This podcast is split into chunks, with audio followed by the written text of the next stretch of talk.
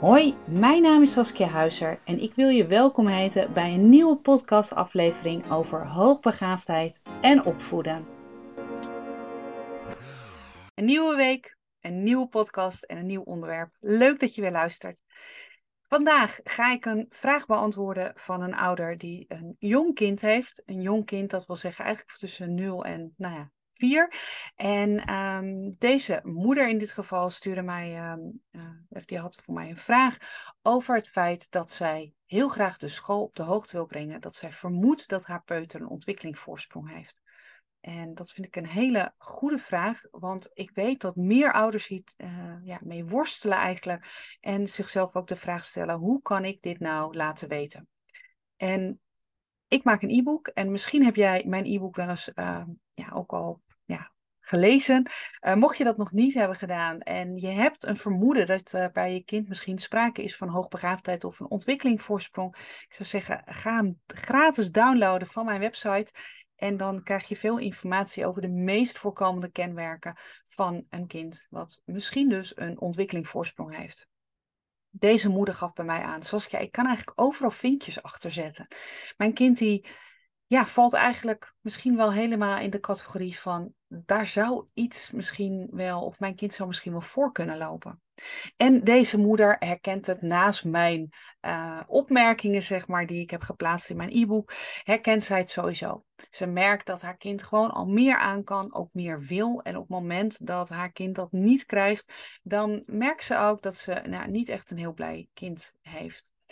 En ja, deze moeder kwam eigenlijk ook met de opmerking: Saskia, ik durf het ergens niet uh, om uiteindelijk ja, contact op te nemen met die basisschool.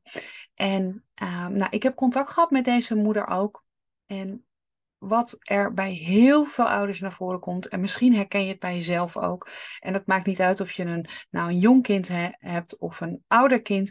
Maar ik hoor heel vaak van ouders: ja, ik durf eigenlijk niet aan de bel te trekken. Want ze zullen wel weer denken dat ik weer zo'n ouder ben die denkt dat zijn of haar kind hoogbegaafd is. Of, uh, oh, daar heb je weer een die weer, nou ja, in ieder geval weer iets onder de aandacht wil brengen. Of, oh, daar heb ik geen tijd voor als leerkracht. Of, of ouders denken dat soms ook, daar heeft een leerkracht geen tijd voor. Toch wil ik jou laten weten, en ik heb heel lang in het onderwijs gewerkt en nog steeds uh, geef ik ook veel trainingen op scholen en kom ik ook op veel scholen om mee te denken rondom hoogbegaafdheid, rondom het beleid. En ik wil je echt aangeven als ouder om als jij een vermoeden hebt en als je dit ook wilt delen met school, misschien heb je wel die behoefte niet, maar mocht je dit wel willen delen, om het wel te doen. Want het is ergens toch wel uh, belangrijk ook dat de school op de hoogte is van jouw bevindingen.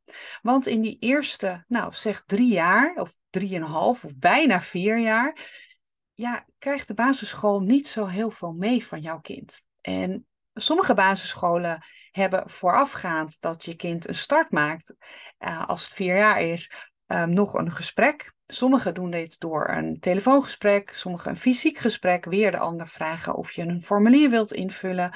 Anderen vragen of je een signaleringslijst wil invullen. Maar het is voor een leerkracht altijd zeer interessant of je kind nou een ontwikkelingsvoorsprong heeft of niet. Maar om eigenlijk wel te weten, hé, hey, wat voor kind krijg ik nou in de klas?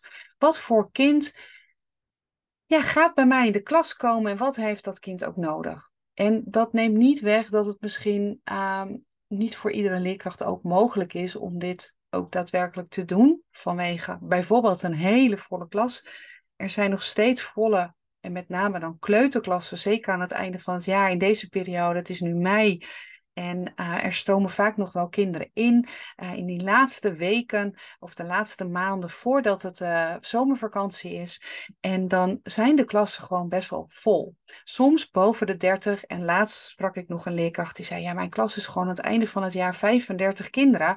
En dan in het nieuwe schooljaar in september beginnen we dan alweer met, nou zeg 2021. Maar aan het einde van het jaar ja, loopt het gewoon vol met heel veel kinderen.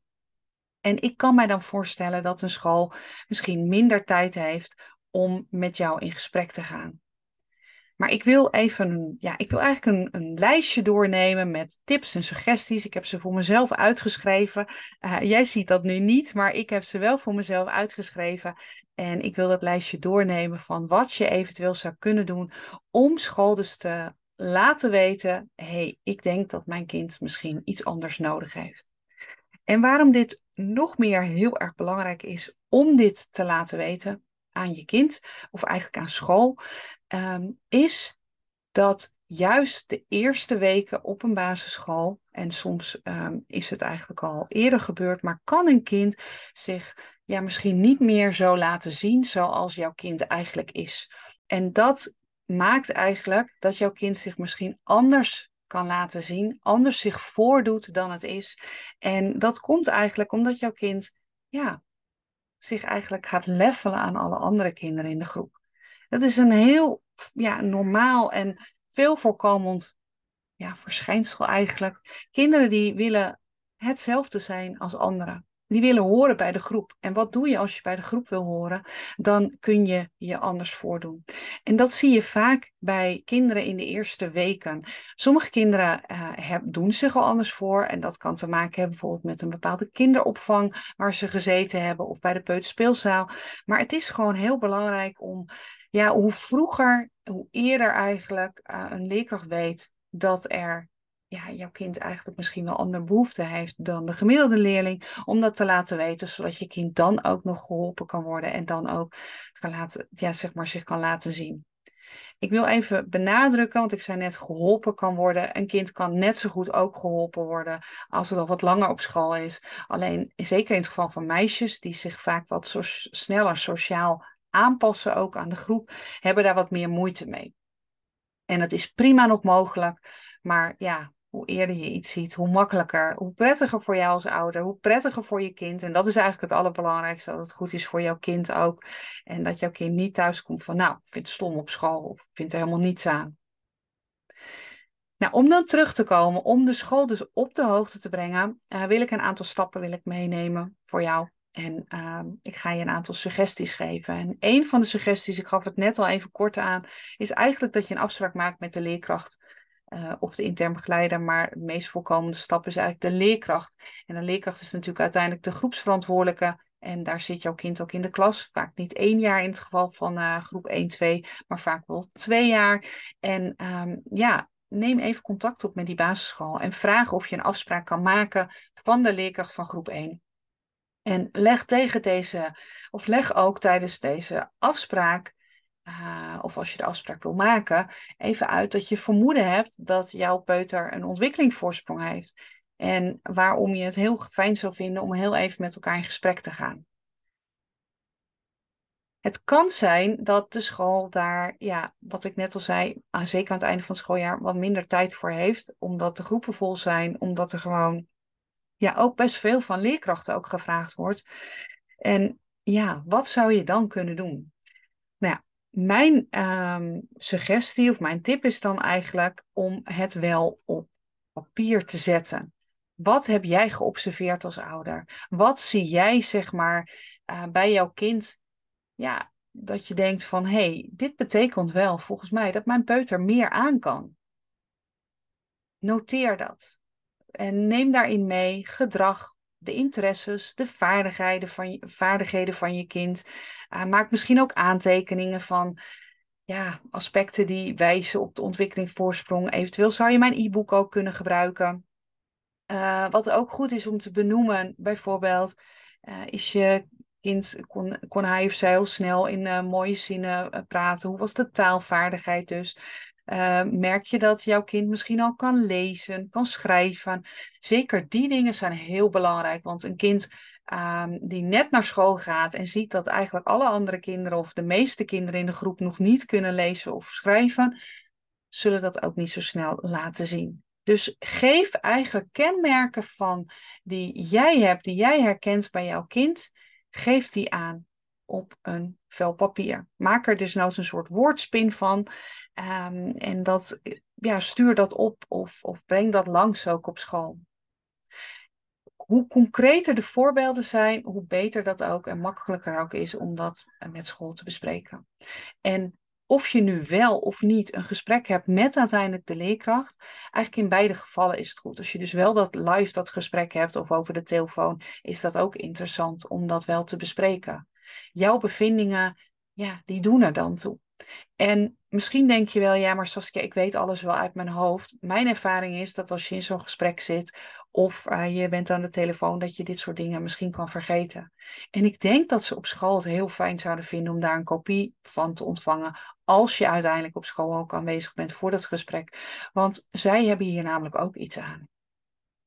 Dus verzamel eigenlijk informatie en ehm, ehm, deel dat ook. En dat, dat zou heel erg fijn zijn in ieder geval. Ook dus om dat ook fysiek te delen, ook met school.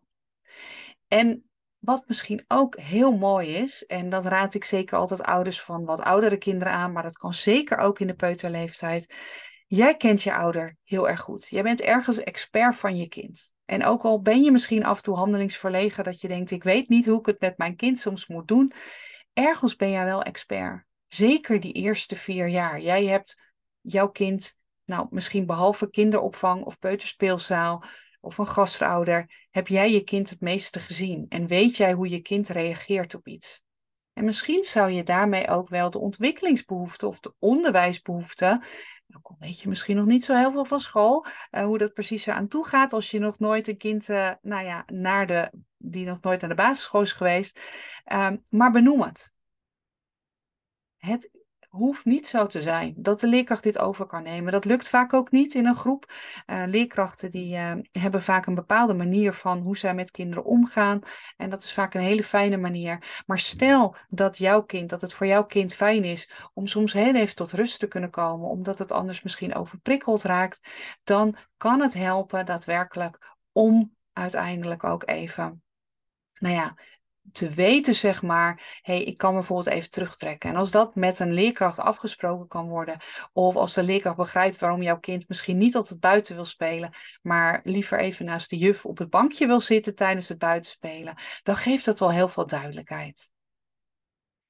Stel dat jouw kind naar de peuterspeelzaal is geweest of naar de kinderopvang en zij vinden zelf daar ook dat jouw kind misschien al meer aan kan dan de, het gemiddelde kind, dan kun je ook vragen of de peuterspeelzaal of de BSO contact wil opnemen met de basisschool of dat ze een verslagje willen schrijven. En ja, vraag ook of uh, dat gedeeld kan worden, ook met school. En dan zou dit ook weer een hele mooie aanvulling zijn. Mocht dit niet meteen kunnen, dus ook niet voorafgaand dat jouw kind gaat starten met de basisschool, dan zou het heel fijn zijn als het eventueel ook in de eerste weken kan uh, plaatsvinden. Mijn ervaring is dat scholen vaak na een week of zes meestal contact opnemen met de ouders uh, om te vragen van kom even naar school of om even te bellen van hey, om even door te nemen hoe gaat het nou met jouw uh, zoon of dochter. Maar iets eerder, in het geval van als je uh, vermoeden hebt van ontwikkelingsvoorsprong, raad ik wel aan. Doe het eventueel na een week of drie, of eventueel misschien na twee weken al, om het even door te nemen. Dit kan totaal anders zijn dan het protocol van school. Want school heeft ook vaak wel een bepaalde policy van nou, als een kind instroomt, dan hebben we voorafgaand even heel kort bijvoorbeeld contact van is een kind zindelijk ja of nee. Dat is vaak wel een hele belangrijke vraag voor een leerkracht. En dan is er vaak een gesprek, nou ja, bijvoorbeeld zes weken na start van de basisschool. Ik begrijp dat daar niet altijd van geweken kan, afgeweken kan worden, maar je kan het wel vragen en je kan ook aangeven waarom jou, het jou lijkt, beter lijkt om bijvoorbeeld iets eerder met elkaar in gesprek te gaan. Verder is het zo dat sommige, uh, sommige scholen vragen ook of je een soort intakeformulier van tevoren wil invullen. En dat intakeformulier staan heel veel vragen in. Ik noemde net al even zinnelijkheid. Ze vinden het op de basisschool heel fijn als een kind vier jaar is en ook daadwerkelijk zinnelijk is, zodat de kleuterleerkracht geen luiers hoeft te verschonen. Uh, daar is ook echt geen tijd voor, dat weet ik ook uit ervaring. Ik heb jarenlang voor een kleutergroep gestaan en uh, die tijd is er echt niet. Uh, maar daarin is er ook vaak ruimte om andere um, suggesties of ideeën mee te nemen. En dan kun je ook zeker benoemen ook dat je vermoeden hebt van ontwikkelingsvoorsprong en dat je graag een gesprekje zou willen hebben. Wat scholen dan ook vaak doen, is dat ze een extra formulier toesturen uh, en vragen dus om in te vullen. En dat is een soort signaleringslijst. En dat kan een lijst zijn van het DHH, dat staat voor Digitaal Handelingsprotocol Hoogbegaafdheid. Of CIDI-lijst, dat is een signaleringslijst ook om te kijken van hé, hey, zien de ouders een ontwikkelingsvoorsprong en dan staat dat ook meteen namelijk in het computersysteem of in het, leerling, of in het leerlingvolgsysteem van uh, school. En dan uh, nou ja, heeft je kind als het ware al een eerste screening gehad van hé, hey, daar zijn vermoedens van. Niet iedere school doet dit. Dit wil ik ook heel um, ja, nadrukkelijk zeggen ook. Dat geldt eigenlijk voor alle suggesties en tips die ik geef. Het is niet zo dat iedere basisschool dit doet. Ik kom op heel veel basisscholen en op iedere school doen ze het anders. En um, daar heb ik ook alle begrip voor. Uh, iedere school kiest een manier van de hele intakeprocedure tot start basisschool. De manier die past bij ja, de school. Dus dat kan ook nog een mooie manier zijn, in ieder geval ook, om mee te nemen. Verder, uh, en dat is meer al, ik ga ervan uit dat jij al een school gekozen hebt. Mocht jij nog geen school hebben gekozen voor je zoon of dochter, dan wil ik je aanraden om um, een aantal podcasts van mij daarover te beluisteren. Van wat kan ik doen om een juiste school te kiezen. En daarnaast bied ik ook tegen een uh, laagdrempelig of een laag bedrag ook een, um, een online training aan met meerdere modules. Die uh, onder andere gaat dus over, nou ja, over schoolkeuze. Uh, maar ook over hoe kun je je kind ondersteunen bij mindsetproblemen. Hoe kun je je kind helpen bij nou ja, om het, misschien het avondritueel gezelliger te maken. Of wel of niet een IQ-test. En daarvoor heb ik een online training gemaakt. Uh, wat bestaat uit zes modules. En die kun je ook beluisteren om uiteindelijk tips en suggesties mee te nemen. Of om met de leerkracht in gesprek te gaan. Daar heb ik een hele module of een hele les ook van gemaakt. Of om eventueel ook de juiste school te kiezen voor jouw kind. Ik zal een linkje ook in de show notes zetten bij deze podcast. Uh, en dat kan in ieder geval heel erg helpend zijn om daarin de juiste keuze te maken. Ik wil wel, en daar gaf ik net al een voorzetje voor, dat je weet dat elke school anders is. En elke school hanteert ook een andere aanpak. Het kan zijn dat de school namelijk al procedures heeft voor het identificeren en het ondersteunen van kinderen waarbij een vermoeden is van een ontwikkelingsvoorsprong. Maar het kan ook zijn dat ze nog helemaal niet zo bekend zijn met het onderwerp. En communiceer open en transparant met de school en deel ook op die manier ook informatie. En dan kun je de school ook helpen om de beste beslissing te nemen voor het welzijn en de educatieve behoeften ook van je peuter. En ik begon al mijn verhaal van, ja, misschien denk je weer, oh, ik ga niet naar school toe, want ze zullen wel weer denken, daar heb je weer zo'n ouder die denkt dat zijn of haar kind hoogbegaafd is. Ik wil je meegeven dat als jij niet voor je kind opkomt en de school ook niet informeert, ook al heb je dat gevoel dat het echt langer kan duren voordat je kind gesignaleerd gaat worden. Je kunt misschien het vervelend vinden. Een leerkracht kan misschien wat korter reageren. Maar weet dat jij de enige bent die ook op dit moment in deze leeftijdsfase ook voor jouw kind kan opkomen. En niemand anders die dat doet. Dus als je wil dat je kind hierin gehoord en gezien wordt, doe het dan. Neem die stap. En misschien ben je dan even, nou ja, een ouder die um, iets minder geliefd is op school. Geef ook aan. Ik doe dit echt vanuit mijn kind ik doe dit omdat mijn kind iets anders nodig heeft of iets, iets extra nodig heeft. En ik begrijp best dat het niet allemaal uh, haalbaar is voor jou als leerkracht. Maar ik wil het wel laten weten. Ik wil ook dat het ergens genoteerd staat. Om uiteindelijk in zijn of haar dossier van je zoon of dochter, om het ook op te nemen. Vecht voor je kind. Mijn ervaring is dat dat helaas ook juist bij hoogbegaafde kinderen of bij kinderen met waar een vermoeden is van een ontwikkelingsvoorsprong hard nodig is. En doe het ook echt. Nou, heel veel succes uh, als je het gesprek aangaat met school. Wacht daar niet te lang mee. Stuur al eerder een mail. Neem contact op. Vraag of de leerkracht je kan bellen. Geef het desnoods door aan de intern begeleider of aan de directeur als je die spreekt wat jouw gedachten zijn en dat je het heel graag wilt doorgeven, omdat je denkt ook, en dat is denk ik een hele mooie afsluiter, dat het helpend ook is voor de leerkracht. En daar staan echt alle leerkrachten voor open. En zeker ook met het idee om een kind nog beter te kunnen ondersteunen, want dat is echt wat leerkrachten willen. Dankjewel voor het luisteren en ik uh, hoop dat je bij een volgende podcast weer bij bent.